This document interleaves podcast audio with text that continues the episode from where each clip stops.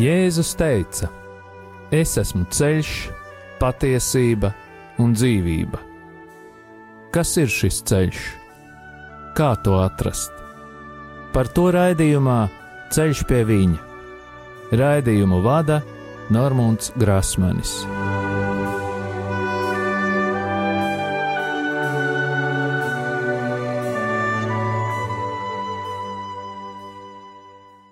Lai ir slavēts Jēzus Kristus! Ir pienācis piekdienas vakars, un atkal ēterā izskan raidījums Ceļš pie viņa. Pie raidījuma pults es, Normons Grasmanis. Vēlos atgādināt, ka raidījuma e-pasta adrese ir ceļš pie viņa at gmail.com. Esmu pateicīgs visiem tiem klausītājiem, kuri atceras mani un pārējos radio Mariju darbiniekus, brīvprātīgos, un arī ziedotājus savās lūkšanās. Vēlos pateikties katram klausītājam, kurš ar savām lūkšanām vai finansiālo ziedojumu atbalsta radio Mariju skanējumu ēterā. Lai Dievs bagātīgi svētī katru atbalstītāju un arī visus mūsu kopumā. Jau minēju iepriekšējā raidījumā, pirms sāksim aplūkot tēmas, kuras ir saistītas ar maldu mācībām, lūgsim aizsardzības lūgšanu katram no mums.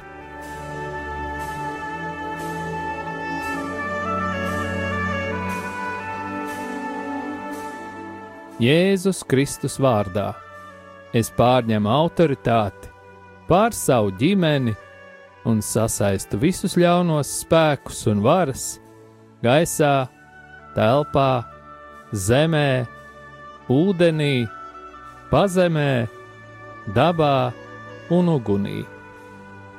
Dievs, tu esi kungs pāri visam visumam, un es atdodu tev slavu un godu par tavu radību. Tavā vārdā, Kungs, Jēzu Kristu, es sasaistu visus dēmoniskos spēkus, kas ir nākuši pār mums un mūsu ģimenēm, un ieslēdzu mūs visus tavu dārgo asiņu aizsardzībā kas mūsu dēļ tika izlietas pie krusta. Marija, mūsu māte, mēs lūdzam tavu aizsardzību un aizbildniecību pār mums un mūsu ģimenēm ar svēto Jēzus sirdi. Ietin mūsu savas mīlestības apmetnī un sakauj mūsu ienaidnieku. Svētais ērceņģeli Mihēlu un visi mūsu sargeņģeļi Nāciet aizsargāt mūs un mūsu ģimenes šajā cīņā pret visu ļauno, kas ir šajā pasaulē. Jēzus Kristus vārdā un caur viņa dārgajām asinīm es sasaistu visas ļaunuma varas un pavēlu tām atkāpties šajā brīdī no mums, mūsu mājām un mūsu zemes. Mēs pateicamies Tev, Kungs, Jēzu, jo Tu esi taisnīgs un līdzjūtīgs Dievs. Āmen! Jēzus Kristus vārdā un viņa krusta un viņa izlieto asiņu spēkā. Mēs sasaistām jebkura ļaunuma varas spēku garus un pavēlam tiem, lai tie nebloķē mūsu lūgšanas. Mēs salaužam jebkurus lāstus, burvestības, kas ir vērsti pret mums, padarot tos tukšus un bezspēcīgus mēs salaužam jebkuru uzdevumu, kas ir dots jebkādiem gariem, kas vērsti pret mums, un sūtām viņus pie Jēzus, lai viņš dara ar tiem, ko vien vēlas. Kungs, mēs lūdzam, lai tu svētī mūsu ienaidniekus, sūtot savu svēto garu pār tiem, lai vadītu viņus uz grēku nožēlu un atgriešanos. Mēs pārcērtam jebkādas saites un saziņu ļauno garu pasaulē, kas ietekmē mūs un mūsu lūgšanu. Mēs lūdzam, Jēzus izlieto asiņu aizsardzību pār mums un mūsu ģimenēm. Paldies, Tev, Kungs, par Tavu aizsardzību un sūti pār mums savus eņģeļus, jo īpaši svēto ērceņģeli Mihēlu, lai viņš mums palīdz šajā cīņā. Mēs lūdzam Tevi! Vadi mūs mūsu lūgšanās un izlaies pār mums ar savu svēto garu, tā spēku un žēlsirdību. Āmen!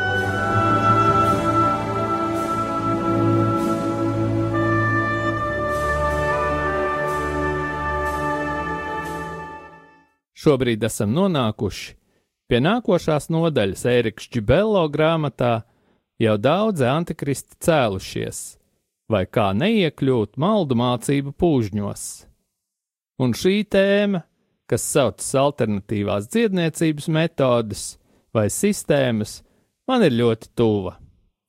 Kā jau iepriekšējā raidījumā dzirdējāt, tad es šā gada 1. aprīlī organizēju ģimenes dziedināšanas semināru.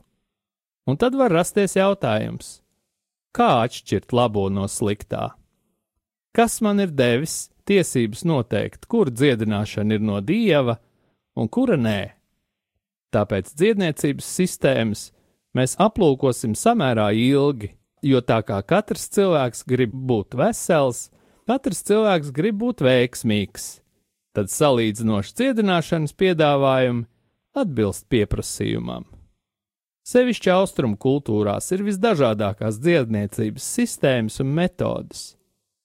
Protams, tāpat kā cīņas sporta veidi, dažādas garīgās mācības, arī dziedniecības metodes turpina pārpludināt, ja tā var teikt, tirgu.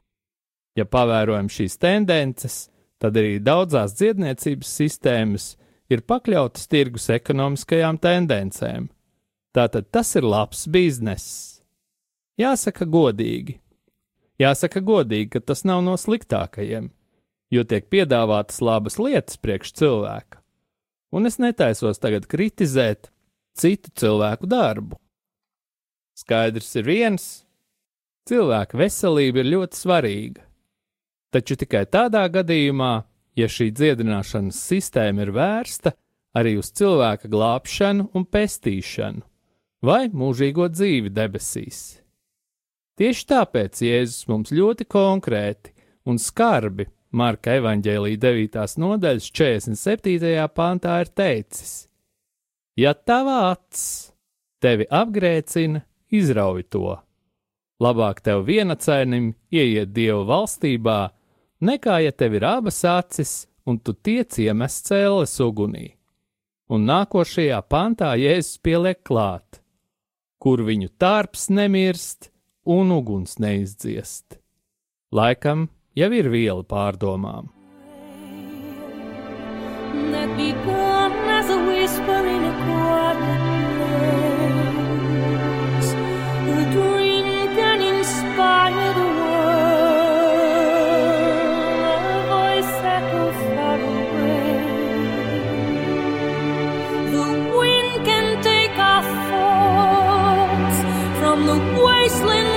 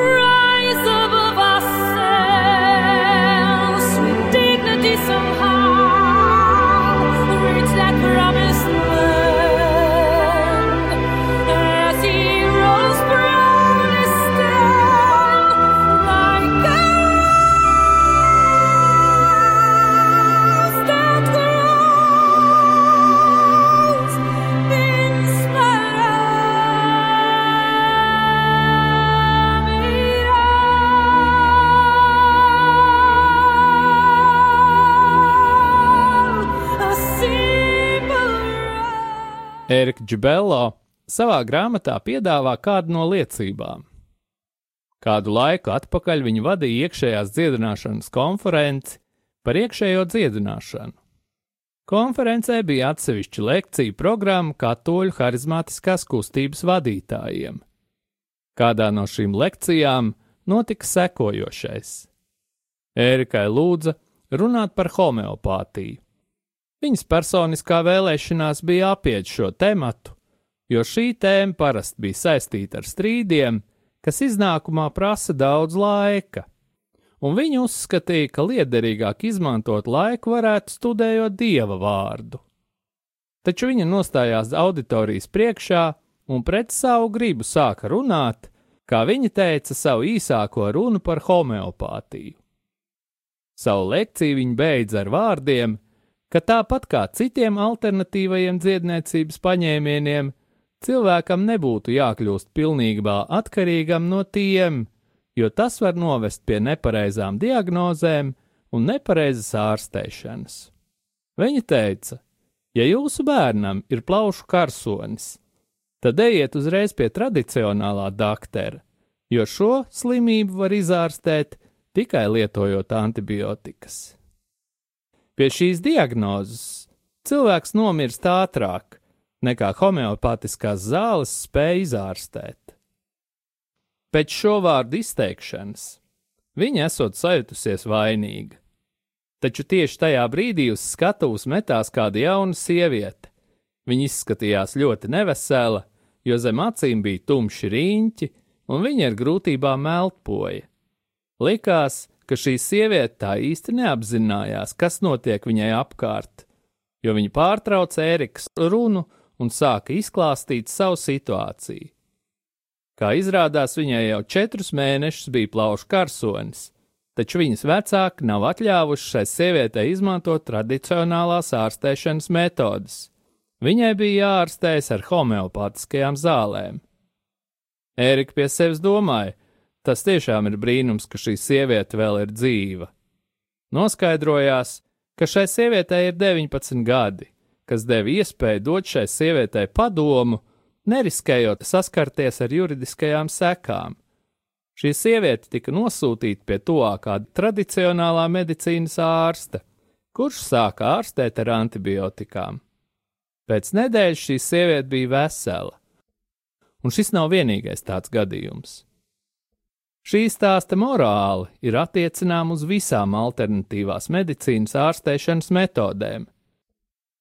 Nekam neļauj pār sevi dominēt. Nevienu alternatīvās medicīnas metodi nedrīkst uzskatīt par panacēju. Nav ne tradicionālās medicīnas, ne arī tās sauktās maigās medicīnas līdzekļi vai metodes, kas varētu dziedināt pilnīgi visu. Svētais Pāvils savā pirmajā vēstulē korintiešiem 6. nodaļas 12. pantā saka: Viss man ir atļauts, bet ne viss man der, viss man ir ļauts, bet nekam pār mani nebūs varas. Interesanti ir tas, ka visām alternatīvās dziedniecības metodēm ir kāda kopīga īpašība tās it kā nobur savus sekotājus. Ir svarīgi ievērot šo aspektu un viennozīmīgi būt uzmanīgiem no nepareizām diagnozēm.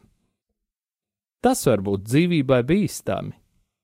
No kristīgā viedokļa būtu jāpievērš uzmanība alternatīvās medicīnas garīgajiem pamatiem, un, protams, ka jāuzmanās no šo metožu izmantotajiem līdzekļiem. Bieži vien Dziedniecības sistēmas balstās uz kādas citas reliģijas vērtībām, un, kā jau iepriekš minēju, tad Dievs vēlas mūs redzēt veselus un laimīgus. Bet ko viņš visvairāk vēlas? Viņš grib, lai mēs dzīvotu ne tikai šeit uz zemes, bet arī debesīs un kopā ar viņu.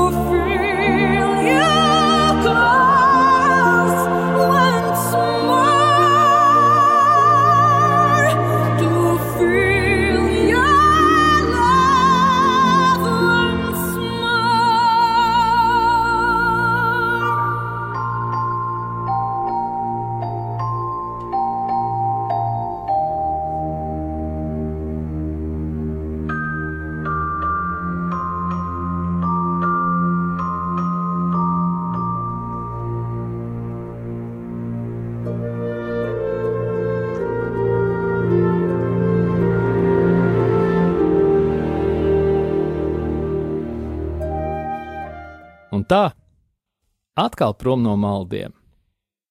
Kā jau iepriekšējā reizē teicu, pēc tēva Jāzepa Semakulas iedrošinājuma šā gada 1. aprīlī organizēja ģimenes dziedināšanas semināru. Dievs grib, lai tu būtu laimīgs, vesels un dzīvespriecīgs Dieva bērns. Kādēļ dzīves gaitā tu esi sastapies ar nepārvarāmām grūtībām, neveiksmēm un šķēršļiem, kas spītīgi neļauj sasniegt mērķi. Varbūt tas ir neizprotams slimības, neveiksmes attiecībās, varbūt darbā vai finansēs. Kādēļ, lai cik arī pretotos, neizbēgami izdzīvojam vecāku vai vecvecāku likteņus, pieļaujam tās pašas kļūdas? Kādēļ liekas, ka mūsu dzīvības enerģija pazūd tukšumā, un vienīgais, kas paliek, ir sāpes, nemieris, neapmierinātība ar sevi un ceļu, kuru izvēlamies iet. Vai ir iespējams mainīt šo graujošo programmu un izjust patieso mieru un dzīves piepildījumu, kuru Dievs mums, kristiešiem, ir apsolījis? Jau teicu, ka mani skolotāji ir tādas personības kā priesteris Rufus Pereira, Ērika Džibello, priesteris Tomislavs Ivančičs un jau pieminētais priesteris tēvs Jozefas Semākula. Ko tad es jums vēlos pateikt tādu, ko jūs nebūtu dzirdējuši? Parunāsim nedaudz par mūsu vērtībām. Kādas ir mūsu trīs svarīgākās lietas? Un patiesībā tā arī ir atslēga mūsu dzīvēm. Ap šīm trīs svarīgākajām lietām grozās visa mūsu dzīve. Ja jūs man varētu atbildēt, tad es jums jautātu, kas ir šīs trīs svarīgākās lietas dzīvē?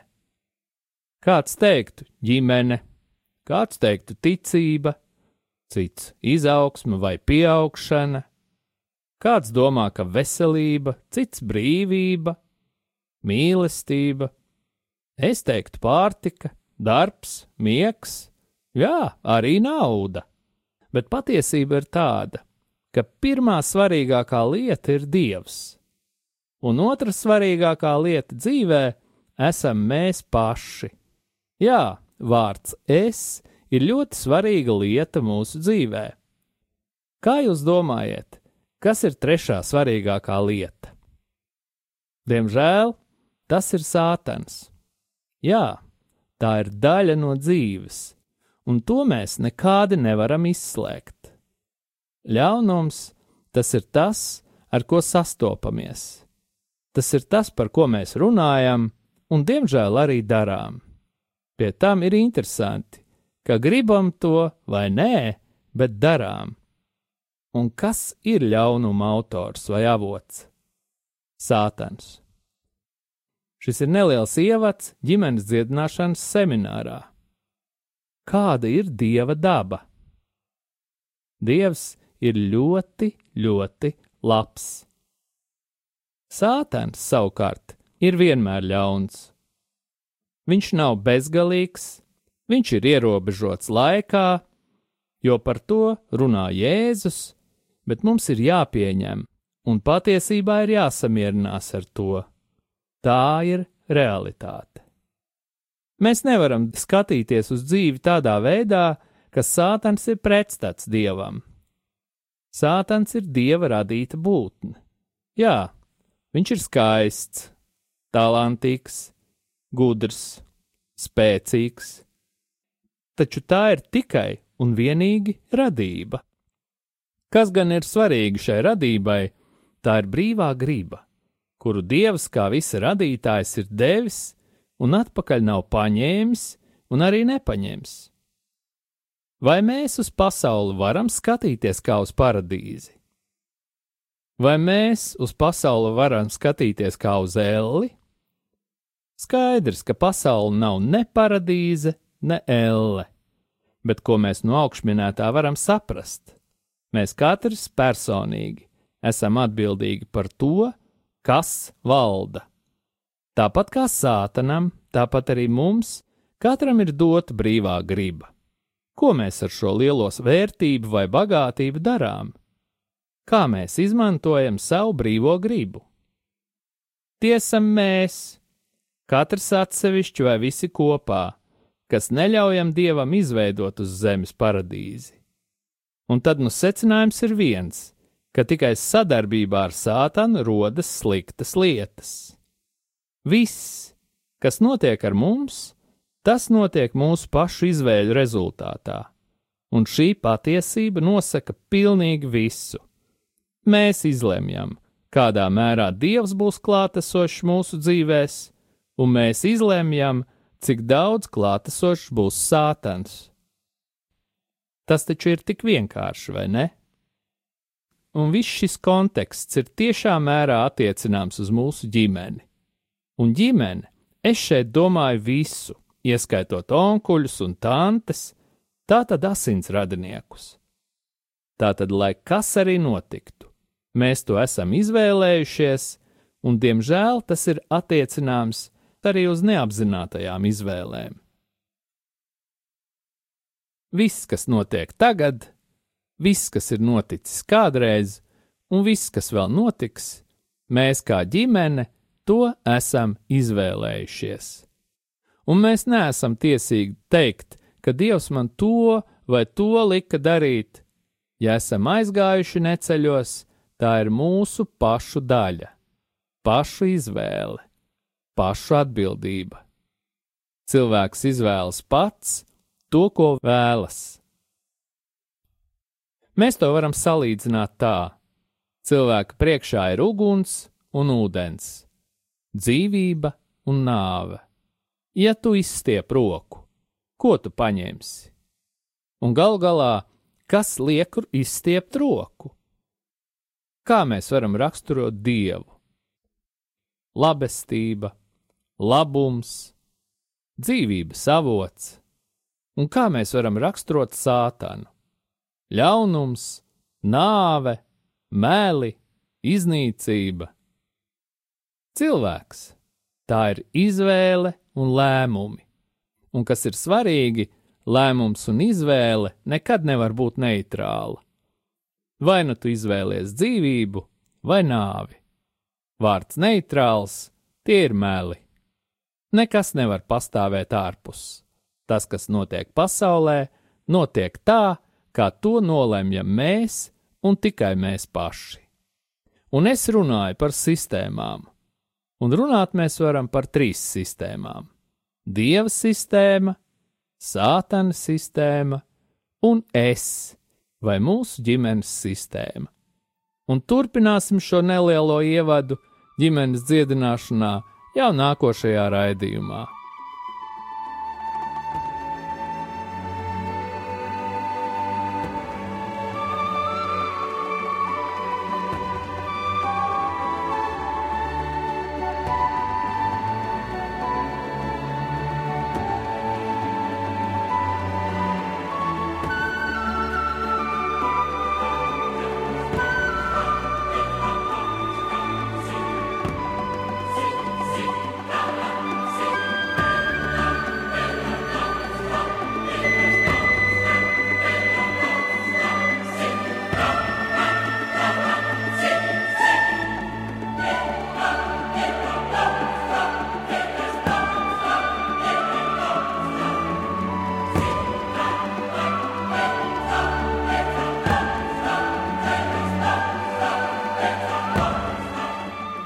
Atgādinu, ka pilnā versija par šīm tēmām un arī veids, kā mēs varam izmantot savu izvēli un lēmumus pareizi, būs pieejama šā gada 1. aprīlī mīlestības mājā.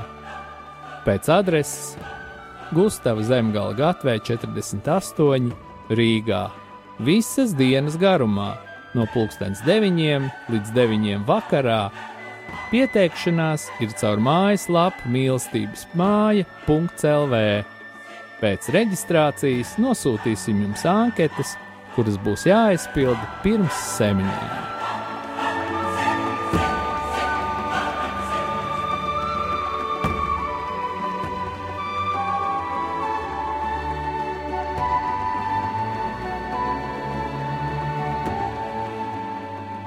Un tagad mēs iestāsimies šajā cīņas lūkšanā pret sātanu sistēmu un tās darbībām mūsu ģimenēs, jo mums katram ir dota autoritāte lūgt šīs lūkšanas mūsu ģimenes vārdā.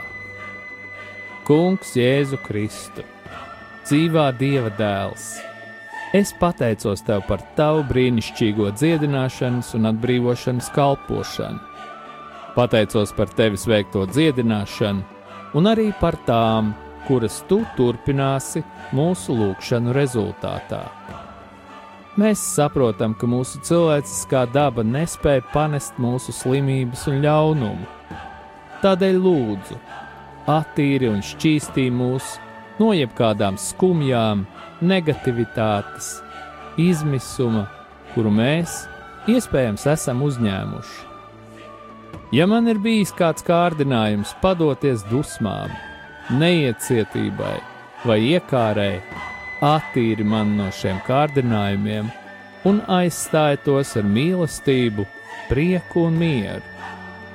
Ja mūs jau kādā veidā ir pārņēmis un nomācis kāds ļauns gars, Jēzus vārdā es tev tagad pavēlu aiziet zemes, gaisa, uguns vai ūdens gars, nāves valstības vai dabas gars, tieši pie Jēzus un lai tiem notiek pēc viņa gribas. Nāc svētais gars, atjauno mūs, piepildi mūs, atkal ar savu spēku, savu dzīvību un savu prieku. Stiprini mūs tur, kur jūtamies vāji, un apklāj mūs ar savu gaismu. Piepildi mūs ar dzīvību. Marija, visu svētā Jēzus māte, mūsu māte Svētais arcāņģēl Mihēl, mēs pateicamies par jūsu aizbildniecību. Kungs Jēzu, lūdzu sūti savus svētos eņģeļus kalpot mums un mūsu ģimenēm, aizsargāt un aizstāvēt mūs no visām slimībām, ievainojumiem un nelaimes gadījumiem, lai mūsu ceļojumi ir droši. Mēs tevi slavējam tagad un vienmēr, Tēvs, Dēls un Svētais Gars. To visu mēs lūdzam Jēzus svētajā vārdā, lai tas tiek godināts Āmen. Un tagad, kā jau vienmēr, saņemiet pāvesta Franciska svētību. Kungs Jēzus Kristus, lai ir pār mums, lai mūs svētītu, lai ir pie mums, lai mūs pavadītu, un lai ir ar jums un mums lai mūs aizsargātu. Lai mūs svētī Dievs Tēvs un Dēls un Svētais Gars, lai asins un ūdens, kas izplūda no Jēzus Kristus sirds, izplūst pār mums un lai šķīstī, atbrīvo un dziedina.